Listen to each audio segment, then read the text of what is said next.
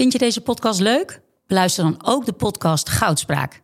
Ik ben Minke Boy. Als voormalig tophockeyster weet ik hoe Olympisch goud voelt. In de openhartige podcast Goudspraak praat ik met sporticonen die straks in Parijs voor het hoogste podium gaan. Over de weg naar goud.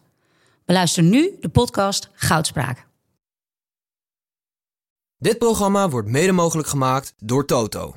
Maar ook die, die opmerking aan dat veld tegen Truus.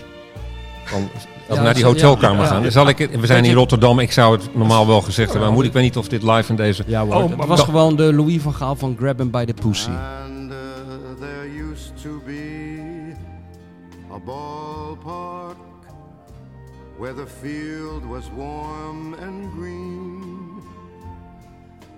And uh, the people played their crazy game with a joy I'd never seen.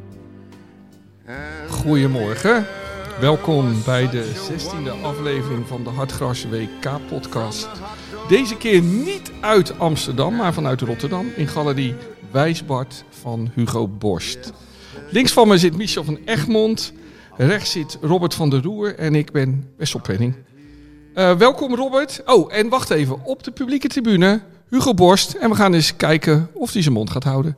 Welkom Robert, je eerste interland voor eh Hartgras. Eh eens kijken of ik je goed introduceer. Ik heb het opgeschreven. Hou het kort. Ja. Voormalig journalist van NSC. En tegenwoordig specialist en adviseur op het gebied van internationale diplomatie. Klopt dat ongeveer? Ja, en adviseur van bedrijven. Oké. En valt dat te combineren met de liefde voor het voetbal? Nou, dat is deze dagen best wel lastig, want ik heb, eh, ik heb het krankzinnig druk, maar eh, gewoon zakelijk. Maar ik probeer gewoon s'avonds en 's middags eh, te kijken. En ja, dan gaat het pak uit en dan gaat de trainingsbroek aan en dan lig ik op de bank.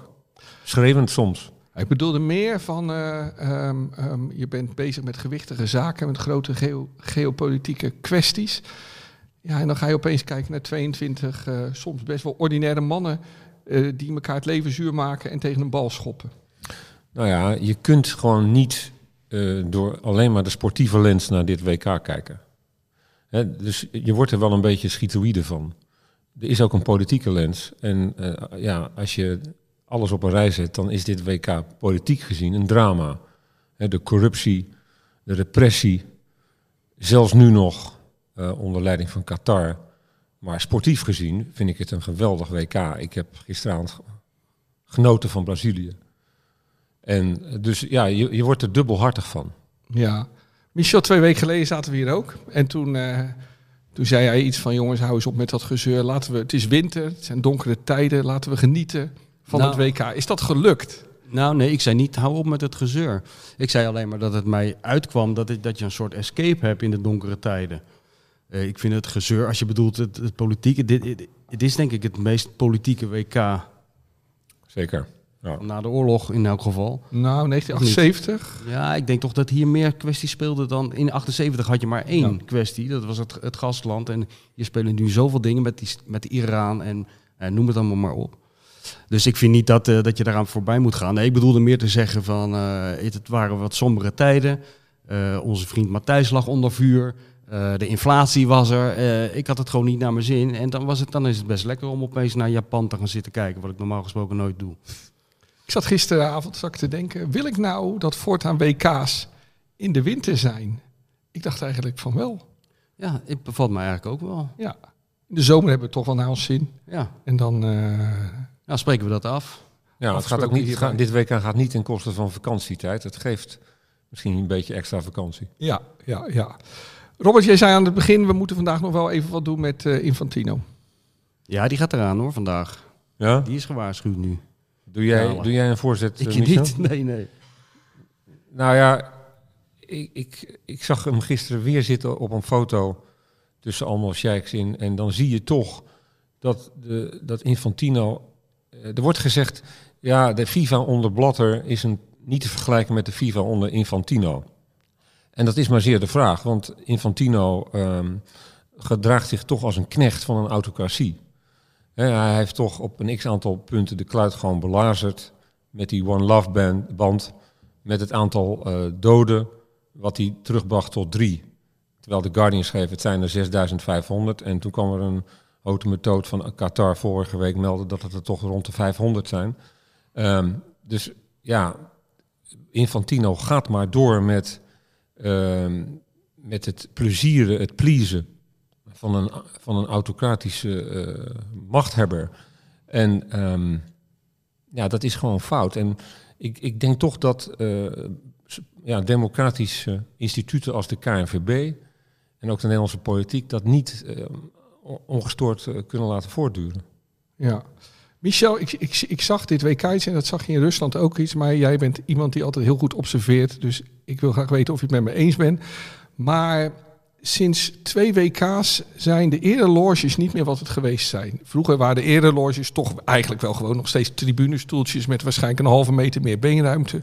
En nu zitten, zitten die sheiks en, en, en, en Infantino en Connie Helder zelfs ook, die zitten allemaal op leunstoelen met een ruimte om zich heen, met een laptop naast zich geloof ik, een Nou, scherm. het ergste is, is dat ze een naambordje ernaast hebben staan. Ja, Dus dan ben je zo wereldberoemd dat je hebt er ongeveer een kwart van het stadion tot je beschikking. En een stoel die aan Sinterklaas doet denken. Maar dan moet er toch nog naast staan wie jij eigenlijk bent. ja. Terwijl gisteren zag ik dat eh, vierkante hoofd van Cha opeens in beeld. Ja. Nou, die had ik sinds zijn glorietijd bij Eintracht Frankfurt nooit meer gezien. Maar ik had er toch geen naambordje voor nodig om hem te herkennen. Boemkoets, ja. Zag je hem zitten? Wat was de Duitse bijnaam? Tjaboom. Ja, schitterend. Tjaboem. Ja. Dit, dit is echt... Niemand weet hoe die echt heet. Ja, nee, Nee. Tjaboem. Dit is Sportshow 1978. Vijf over uur zes. zaterdag. Vijf over zes Vijf over zes. Ja, ja. En hoe heette die presentator ook alweer? Ja, dat heeft Martijn Krabbenman aan mij laatst verteld. Die, die kent al die quotes van die presentator uit zijn hoofd. Maar Ja. zover gaat mijn kennis Nee, Frits. Frits van Toorn Taxis? Dat klinkt Ja, wel heel goed, ja. Die was er, Ja, geloof Die was ik. erbij, hoor. Ja, schitterend, schitterend. Ik Maar- keek veel sportshow in die tijd. Ja, goed een avond allerseits. Ja. Zoiets. Schitterend. Nou ja, anyway. Maar, Slachtenbubler. Ja, dat ja. Riesenparade. Riesenstimmung. Ja, Maar ehm, nee, ja, het, het, het, het ziet er, het ziet er krankzinnig uit. ja. Ja, en eh, het, het verbeeldt helemaal eh, de sfeer volgens mij die daar achter de schermen heerst. ja. Nou, dat wordt ook wel eh, geframed. Hè. Je ziet ook iedere keer oud-Brazilië op een rij zitten. Gisteren zag je ook Rivaldo. Toen dacht ik even, wat moet dat nou worden als Oranje tegen Brazilië komt? Hè, tussen Wim, Louis. Rijs, Wim Rijsbergen zit er dan. Ja. Feestkist. Ja, ja, Hugo Overkamp. ja. Nee, maar toch even over Infantino. Eh, Zelfs Oh, de daar hebben we de scheidsrechter. die- Loopt een man koffie van Hugo. Ja. Eh, Hugo kwam ko- koffie brengen. Maar zelfs de Iraanse vlaggen eh, we zijn door de FIFA uitgebannen, hè, de protestvlaggen tegen Iran, omdat Iran een vriendje is van Qatar, die samen op een enorme gasbel zitten. Weet je, dat zo'n Infantino zich als een loopjongen laat gebruiken voor zo'n eh, repressief regime is eigenlijk onvoorstelbaar, nog steeds. Dus er is nog niet heel erg veel verbeterd eigenlijk. Maar was het niet is het niet onvoorstelbaar dat een FIFA-baas niet de loopjongen is van zo'n regime? Want ik ken FIFA-bazen eigenlijk alleen maar als loopjongens. Zeker. Nou ja, maar je zou willen, dus eh, ik hoorde Gijs de Jong van de KVB zeggen dat er heel veel verbeterd is. heel veel meer transparantie. En iedereen kan nu gelijk eh, eh, eh, zien wie er gestemd heeft en wat gestemd heeft. Maar je weet alleen niet wat er onder tafel is geschoven. En dat is natuurlijk nog steeds het punt. Overigens, ik wil Ja, toch... het hoeft, het hoeft niet eens onder tafel te zijn. Hè? Volgens mij is het zo dat eh, ze hebben berekend dat dit WK, de FIFA, 1 miljard... Ja, ja lekker Hugo.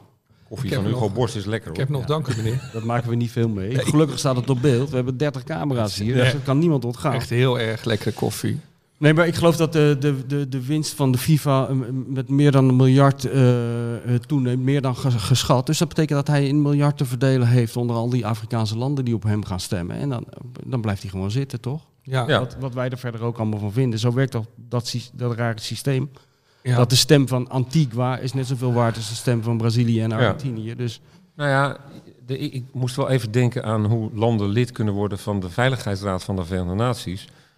Daar zijn er ook landen die bijvoorbeeld, eh, bijvoorbeeld toen Nederland de laatste keer lid wilde worden, had Nederland ook een concurrent die bood cruises aan en dure eh, horloges aan diplomaten. En, en Nederland kwam weer aan met stroopwafels en klompjes. ja. En eh, weet je, dus in de grote diplomatieke wereld gebeuren soortgelijke dingen als, als bij de FIFA. Dus het is wel systemisch. Ja. Het zit in, het zit in, in, in ons, onze manier van leven. En Michel, maar jij, jij hebt natuurlijk alle voetbalbobo's in de loop der jaren voorbij zien komen.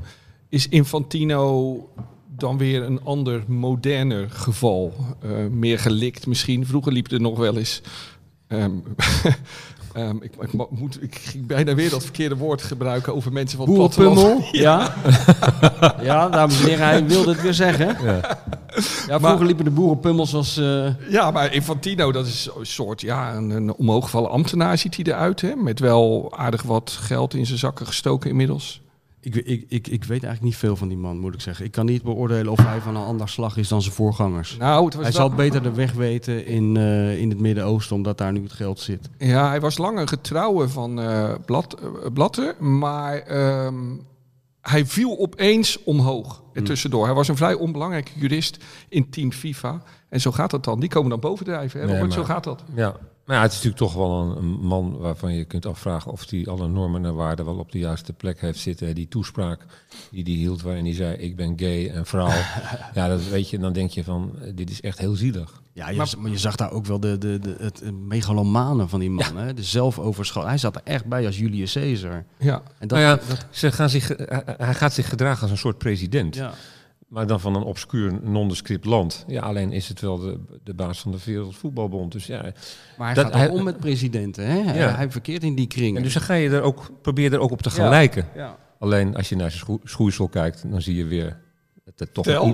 Nou ja, ik denk wel dat, dat je onder een pak met een das niet sneakers kan dragen. Ah, ik, doe Dat- even, ik denk, dat- ik vind dat wel een cultuurovertreding. ik schuif even mijn afgetrapte laarzen Ja. onder de tafel. Nee, maar dat, je kan, die niet kunt dat, zien. bij- dat kan wel heel goed bij wat je nu aan hebt. Oh, dat het zegt ook maar die weer ga je niet onder een smoking dragen, bijvoorbeeld. is eigenlijk En nog erger. Dit, Ja. Die ga je niet onder een smoking dragen en dat zou Infantino wel doen. Maar gelukkig hebben we hier eh, Hugo Borst op de publieke tribune... die er perfect gestileerd uitziet weer vandaag. Dus eh, perfect. Hey, even een bruggetje van eh, leiders van obscure naties... naar onze eigen leider van dit moment, Louis van Gaal. Ja. Ik, eh, ik, ik vind het heel erg leuk dat je hier bent. Dus ik dacht gisteren al, ik ga hem vragen. Hij heeft veel wereldleiders geobserveerd. eh, een aantal belangrijke ontmoet tijdens je journalistieke carrière voor NSC en daarna waarschijnlijk. Ehm, ben je ooit iemand tegengekomen die wat weg heeft van Van Gaal? Mm, Mag ook een hele obscure Afrikaanse dictator zijn. Dat geeft niet. Nou, kijk, ik heb die, veel van die leiders ge- geïnterviewd en gesproken op de golven van de oorlog in Bosnië, Kosovo, Afghanistan, Irak. Dus er zaten weinig Afrikanen bij, Michel. Maar ehm, nou ja, hij doet mij soms in de verte denken aan Richard Holbrooke. Die ook, eh, daarvan werd ooit gezegd, eh, wat is de gevaarlijkste plek op aarde? En da- dat was het antwoord, de afstand tussen Ri- Richard Holbrooke en een televisiecamera. Ja, ja. En dat is bij Van Gaal ook een beetje zo. Hè? Dus hij zuigt de lucht vacuüm. Die persconferenties, die, eh, ja, dat zijn one-man shows. Daar kun je eigenlijk ook in carré doen. Ehm, ja, soms doet hij, ook, doet hij me ook denken aan Trump. Omdat hij zegt, wij worden wereldkampioen, zonder dat te beargumenteren. En dan moet ik denken aan Trump die zei, ik ben hele goede maatjes met Kim van Noord-Korea en wij gaan vrede sluiten. En iedereen wist dat gaat niet gebeuren. En de vraag is of je bij die uitspraak over dat wereldkampioen worden, nou, daar, daar heb ik de onderbouwing nog niet van gezien. Dus het is een soort bezweringsdans. Eh, maar wij, eh, wij gaan erin mee, want we vinden het geweldig om te horen. En eh, ja, na de laatste wedstrijd dacht je ineens van, my god, is het mogelijk? Ja. En, die en, en die tweede helft was er ook ineens vrijheid in dat team. En ik dacht, my god, gaat hij nou nog gelijk krijgen? Ook na dat betonvoetbal van die eerste drie wedstrijden. Daar zou je over moeten fantaseren. Ja. Hoe Van Gaal is, stel dat hij wereldkampioen wordt, Ja. hoe onuitstaanbaar is hij dan? Dat, dat wordt echt legendarisch. Ja. Of Of- wordt een sociaal project. We zijn de beste van Argentinië. Van het, Brazilië. van het universum. Nou, dat weet je niet. Wellicht is er ergens toch nog een betere versie, maar Maar jij zei net Trump. Hij doet mij aan Trump denken in zijn, in zijn motoriek, in zijn lichaamshouding als hij met mensen praat. Hoe dichtbij, hij is een beetje een close stalker. Hij gaat altijd, torent altijd boven die mensen uit het liefst. Een beetje in- quasi intimiderend. Zoals Trump die handen schudden van die mensen. Bijna de schouder uit de kom trok altijd, weet je wel. Maar ook die, die opmerking aan dat veld tegen Truus. Van, als we Ja, naar die hotelkamer ja, gaan. Zal ik, we zijn in Rotterdam. Ik zou het normaal wel gezegd hebben. Maar moet ik weet niet of dit live in deze... Ja hoor, Oh, het maar was wa- gewoon de Louis van Gaal van Grab him by the pussy. Dat was het eigenlijk. Exact. Ja. Ja. Maar wel was dit, eigen maar was dit ingestudeerd? Michel, was dit ingestudeerd? Nou, het was in ieder geval heel bewust van de camera. Dat zag Ja, hè? wel. Hij Ja, wist- kijk, hij- Trump wist niet dat hij opgenomen werd en dat het later nog eens een keer zou worden uitgezonden. Louis wist dat daar een hele batterij camera's stond. Ja. Dus ja. Dat is wel een mooie overeenkomst, zeg. Schitterend. En ik moest ook denken aan Trump, de close talker, in dat debat met Hillary Clinton. Hè?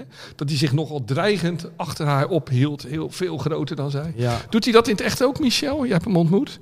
ja dat, dat, dat doet hij altijd. Maar daar hoef je hem niet voor te hebben ontmoet. Eh, dat zie je ook wel. eh. Kijk maar naar afloop, die, dat ritueel wat hij nu heeft om eh, eh, high fives te geven met al die spelers. En dan een tongzoen met Virgil van Dijk. Dat hoort Ja. er ook bij. Ja. Kijk maar, hoe, let maar eens op hoe hij dat doet. Maar vooral met mensen, bij- officials en vooral bij journalisten natuurlijk, heeft hij die neiging wel. Wel, Ja. wel komisch om te zien. Ja, ja. En het werkt ook, want bijna iedereen is geïntimideerd door die man. Dat merk je altijd. Hij heeft een beetje wat Cruijff ook had. Alleen Cruijff had het in hele positieve zin. Als, als Johan Cruijff ergens binnenkwam, ver- veranderde iedereen. Iedereen ging gek doen, behalve Johan Cruijff. Die bleef gewoon heel vriendelijk en op, opvallend normaal. En Van Gaal heeft dat ook als hij in een ruimte binnenkomt. Er is gelijk spanning. En hij doet juist niets om die spanning weg te halen. Hij maakt die spanning alleen maar groter. Daar geniet hij ook van. Ja. En ieder, bijna iedereen is daar vatbaar voor, behalve Valentijn Driessen. Maar verder is bijna iedereen daar vatbaar voor. Maar, Maar is het charisma of is dat niet het juiste woord? Want het is een soort van charisma. ja, hij heeft wel ja. charisma, ja. Ja, tuurlijk. Maar ik heb nog even eh, de gisteravond in het boek van de, onze koffiebediende Ja, ja. gekeken. Eh hoe heet die? Hugo Borst, ja. En die heeft mij toen geïnterviewd. En toen heb ik daar een paar dingen gezegd. Eh, 2014 was dat over Van Gaal. Hè, dat hij ging zitten op de stoel van Karl-Heinz Roemeningen in de bus. ja. En die operettes zijn wel minder geworden, denk ik. Ik denk, hij is toch wel... Hij is milder geworden. Eh, iets beschaafder. Het is minder ehm, terroriserend. Nou, vind je de manier waarop hij zich op persconferenties, persconferenties gedraagt beschaafd? Nou, het is, ik zeg beschaafder geworden. Ja, het is een ja. schaal. Ja. En het, kan, het is nog altijd, eh, kijk mij, en eh, daar wordt hij ook in het buitenland op, op aangesproken, hè, dat hij ehm, zichzelf altijd op de, op de voorgrond plaatst. Ehm, maar wat ik positief vond, was zijn negativisme na de wedstrijd, de laatste wedstrijd. Hij was zeer kritisch. Hij vond het nog altijd niet goed. Ja. En daar zit dus, denk ik, toch nog, maar nu spreekt even de voetbalpatriot in mij, mogelijkheden voor progressie. Als Van Gaal niet tevreden is, dan betekent dat dus dat Oranje nog kan groeien. En we hebben gisteravond gezien, het zal nodig zijn. ja, Als wij tegen de Brazilianen komen, dan komen we er niet met dit spel. voor mij valt daar sowieso niet tegen op te groeien. Of, eh Michel, je bent toch een soort Brazilië-kenner? Nou, kan je wel zeggen, ja. Ik heb even het volk toegesproken op de NOS als Brazilië kennen. Dat heb je wel gehoord, Ja, ja, zeker? zeker. Ja, ja. Eh, nou, nee, daar- daar schrokken we natuurlijk wel van met z'n allen. Ik kan me niet voorstellen dat... Dat was die, tweede, die derde goal, die ging zo snel, dat was niet te volgen. Dat was de mooiste goal van het toernooi eigenlijk wel. Ja. Hè? Ja, Die laatste paas en die afronding. Het is dit, ik, nou, ik dacht, oké, het is allemaal heel leuk wat er gebeurt. Maar afgedroogd worden in de halve finale met 4-0, dat Ja, moeten en we ook niet willen. Het wordt wel interessant, want ik hou niet zo van... De, ik word een beetje moe inmiddels van dat gelul over die systemen. Maar als we tegen Brazilië moeten, wordt het wel interessant. Want Brazilië speelt nog wel ouderwets eigenlijk. Ja. Op een bepaalde manier. En heel aanvallend.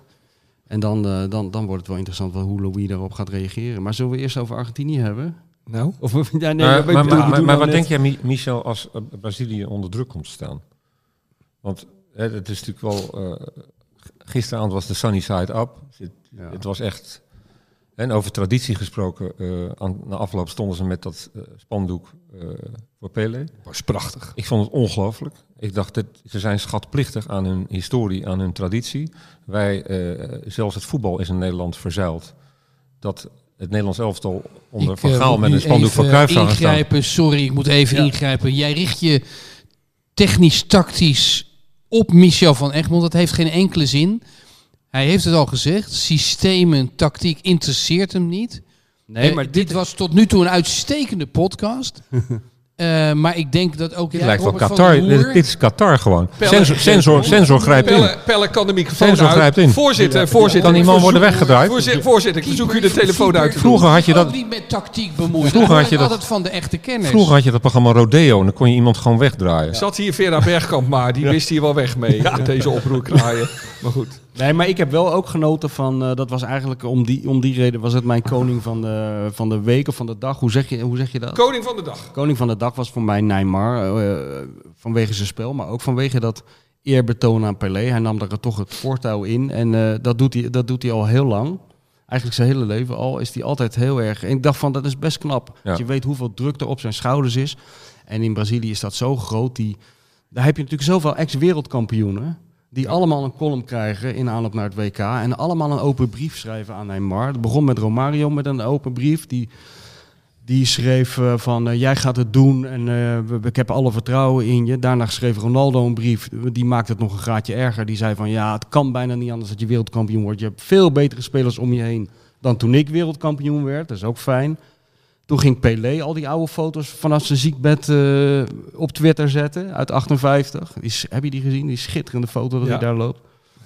En, ehm, ik, het- het- het- en dat komt allemaal op de schouders van die ene jongen terecht. En ik vind het wel mooi dat, eh, dat hij altijd eh, die Pelé in ere houdt. En, en daar niet over zeurt, over die druk die hij meekrijgt. Ja. Ik vond het wel een mooi gebaar. Nou, maar, dat- maar is het denkbaar dat het Nederlands elftal met een spandoek voor Cruijff zou staan onder, het- onder, onder leiding van Van Gaal? ik denk het Ik wel zie- op de dag als Cruijff op, op een, eh, op, op, in zijn laatste bed ligt. Dan was dat wel gebeurd, denk ik. Dat, Ja. dat, Maar ja, ik Andries, bedoel dus- Andries Noppert met een spandoek voor Cruijff vind ik toch minder indrukwekkend dan Neymar met een spandoek Zeker. voor Pelé. Maar Zeker. Overigens was diezelfde Neymar, die, die de vorige persoon die, die heel veel steun betuigde, was Bolsonaro, hè, overigens. Ja, Dus, weet ik, dat mag toch? Maar goed, koning van de dag, voorstel doen. Neymar. Robert. eens. Ja, ik, Vinicius vond ik ook nog wel dat eerste doelpunt, dat hij even inhoudt. Het was wel heel mooi. Ik vond die, die 1, 2, 3 seconden, dat hij even wacht en dan zo mikt. Ja, dat is hogere kunst voor mij. Ik kan al niet meer winnen, maar ik wil de mijne toch noemen. Dat is Dominik Livakovic, de keeper van Kroatië. Pakt even drie penalties. Het waren niet de beste penalties. Nee, dat mag je wel zeggen. Ja, maar eh, wij hadden ze niet gehad, sowieso. Nou, ik maar, misschien nog eh, wel. Wat wel? Woudenstein. Oké, oké, met, met die kleine doeltjes, ja. Ja. Eh, 2018, Kroatische keeper tegen Denemarken. Subasic pakte er ook drie. Ehm, ja, ik vind Er zijn er toch... maar drie, geloof ik, hè, in de hele historie. En wie is die drie, derde? drie keepers, dat weet ik, ben ik vergeten. Een Portugees. Oké.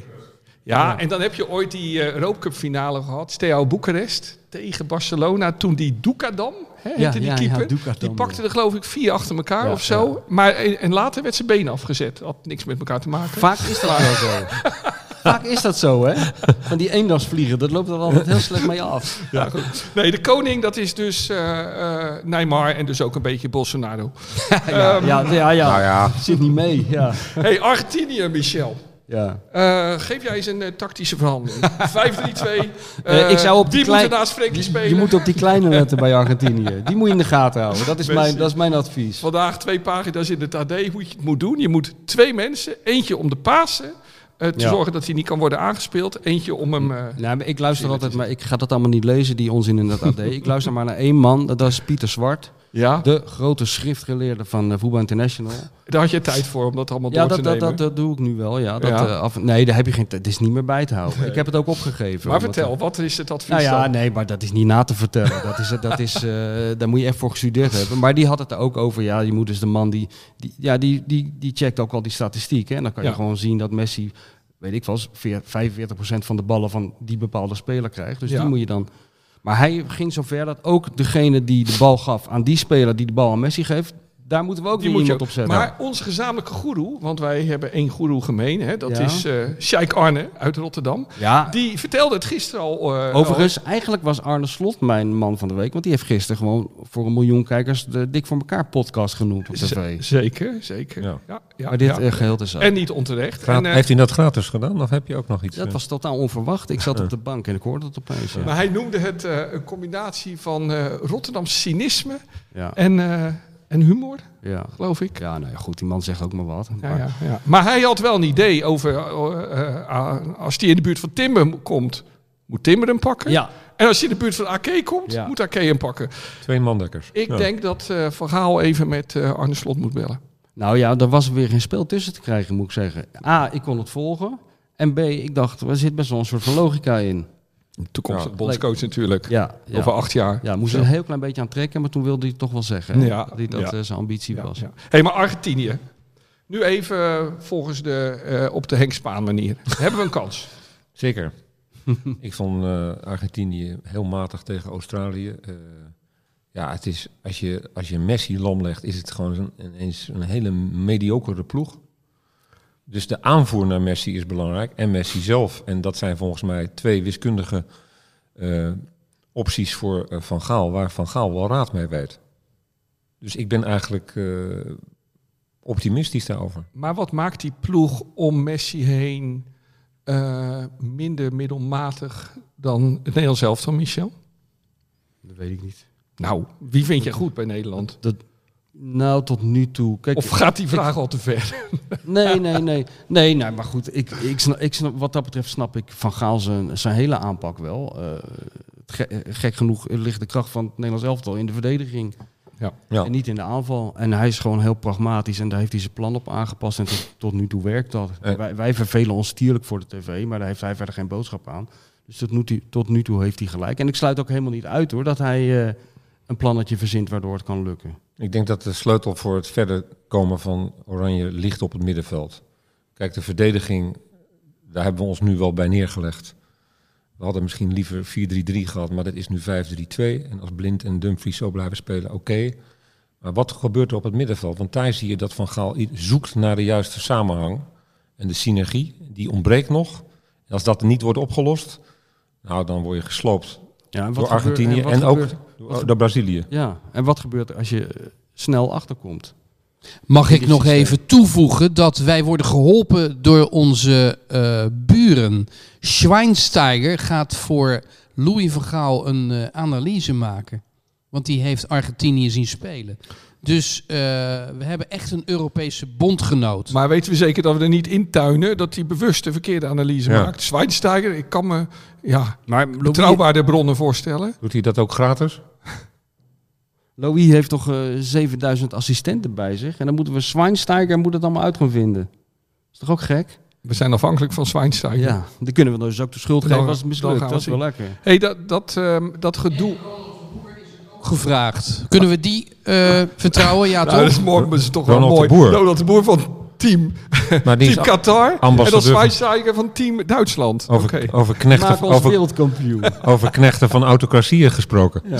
Ja, ja. Zeg, we hadden het net hè, even over... We zitten nu allemaal strijdplannen te bedenken, maar ehm, eh, wij zijn oudere jongeren. Ehm, ehm, zijn wij die hele discussie op dit moment over mooi voetbal... eh, ehm, ehm, of je met matig voetbal wereldkampioen mag worden. We zijn ne- een land van of dingen mogen. Hè? Is, dat, is dat een... is dat... Is dat misschien niet een beetje woke eigenlijk? Dat wij vinden dat, dat je alleen voetbal mag winnen op een mooie aanvallende manier. En zijn wij dus niet een beetje te woke? Want volgens mij zitten hier drie mensen aan tafel. Wij hebben 1974 meege, meegemaakt. Nou ja, Michel dan misschien net niet. Robert schat ik wel, hè? net als ik. Ehm, ehm, dat is altijd de norm geweest en dat zit ons nu een beetje dwars. Hè? Dus het moet eigenlijk altijd op die manier en anders niet.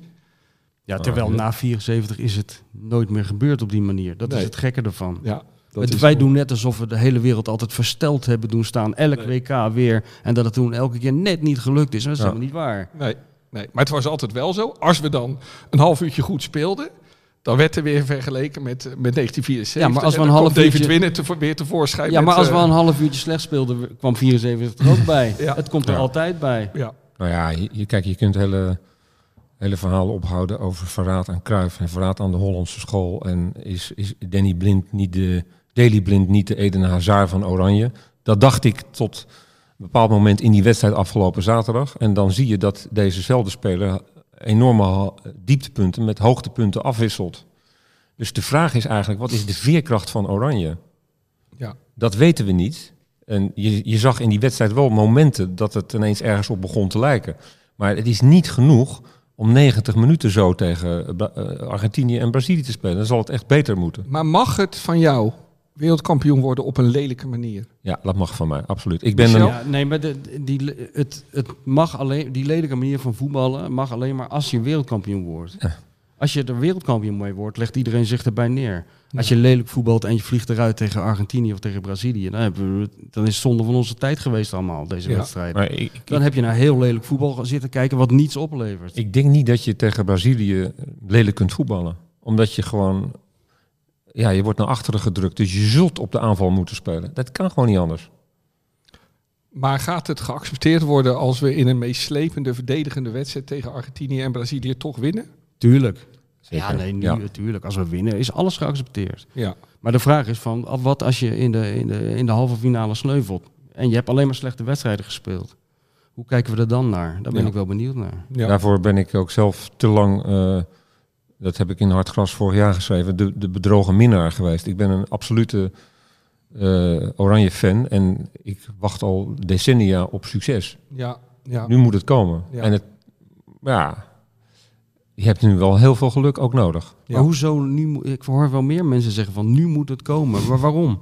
Waarom zou het nu moeten komen? Je speelt tegen waanzinnige teams met een best wel matig Nederlands elftal, wat nog helemaal zijn draai niet heeft gevonden. Wat, wat eigenlijk waar ze altijd goed in zijn geweest, aanvallen, wat lukt helemaal niet. Waarom moet het nu komen? Nou, het is maar de vraag of we er over het vier jaar nog zijn, Michel. Hè, of we? Of we er nog over vier Ja, jaar ja, nog precies. zijn. Zeker. Ja. Dus Nou, dat is wel een, dat is wel We een, hebben wel het is een, existen- het is een existentiële, Jongens, we moeten op- gaan voorspellen. existentiële opmerking. Ja. Sorry. De voorspelling. Ehm, vandaag weer twee aardige wedstrijden.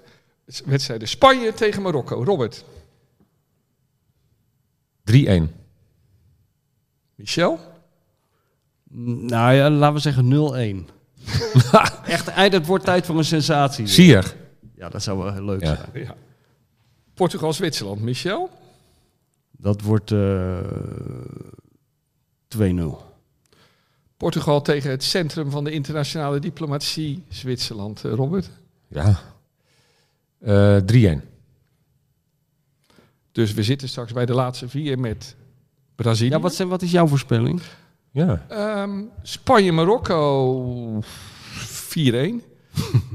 Portugal-Zwitserland eh 2-3. Ik vind Zwitserland een eh, erg verrassend elftal.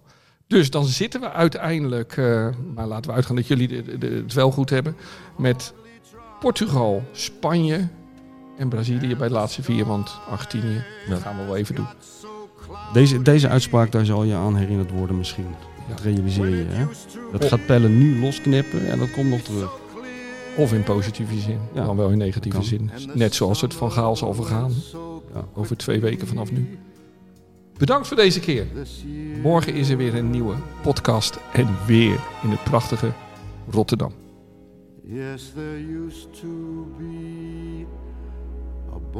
De feestdagen komen eraan. De tijd van de cadeaus is aangebroken. Neem een probeerabonnement op Hartgras. Twee nummers voor 17,50. Neem een jaar abonnement op Hartgras. Dat kost slechts 41,50 voor zes nummers. En je kan ook nog eens een keer een digitaal abonnement nemen voor 25 euro per jaar. Het hele gezin kan mee profiteren. Ga naar hartgras.nl en druk op één knop en je bent abonnee. Dit programma werd mede mogelijk gemaakt door Toto.